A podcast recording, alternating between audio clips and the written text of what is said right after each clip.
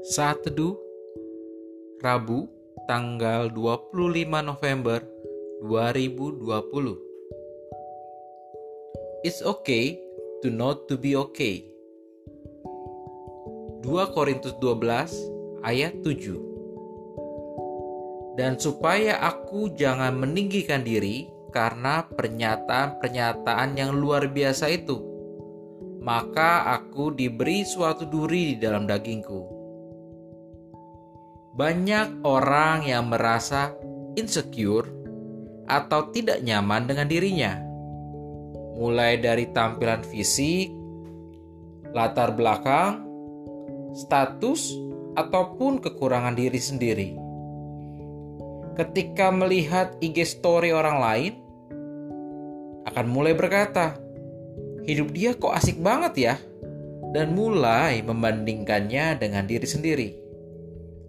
Apakah Tuhan menciptakan dengan tidak adil? Hei, setiap orang punya masalah masing-masing. Nobody's perfect, atau tidak ada seorang pun yang sempurna.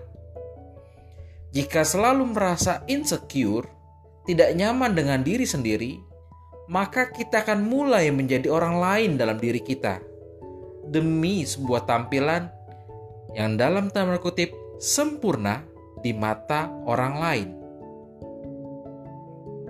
Tuhan menciptakan kita dengan begitu sempurna. Jika ada yang sepertinya kekurangan, supaya tidak ada tempat di dalam diri kita untuk memegahkan diri sendiri, tapi supaya megahkan Tuhan di dalam diri kita. Jadi, nyamanlah dengan diri kita sendiri selama kita merasa insecure, kita tidak akan bisa melihat betapa diberkatinya kita. Selamat memulai hari yang baru.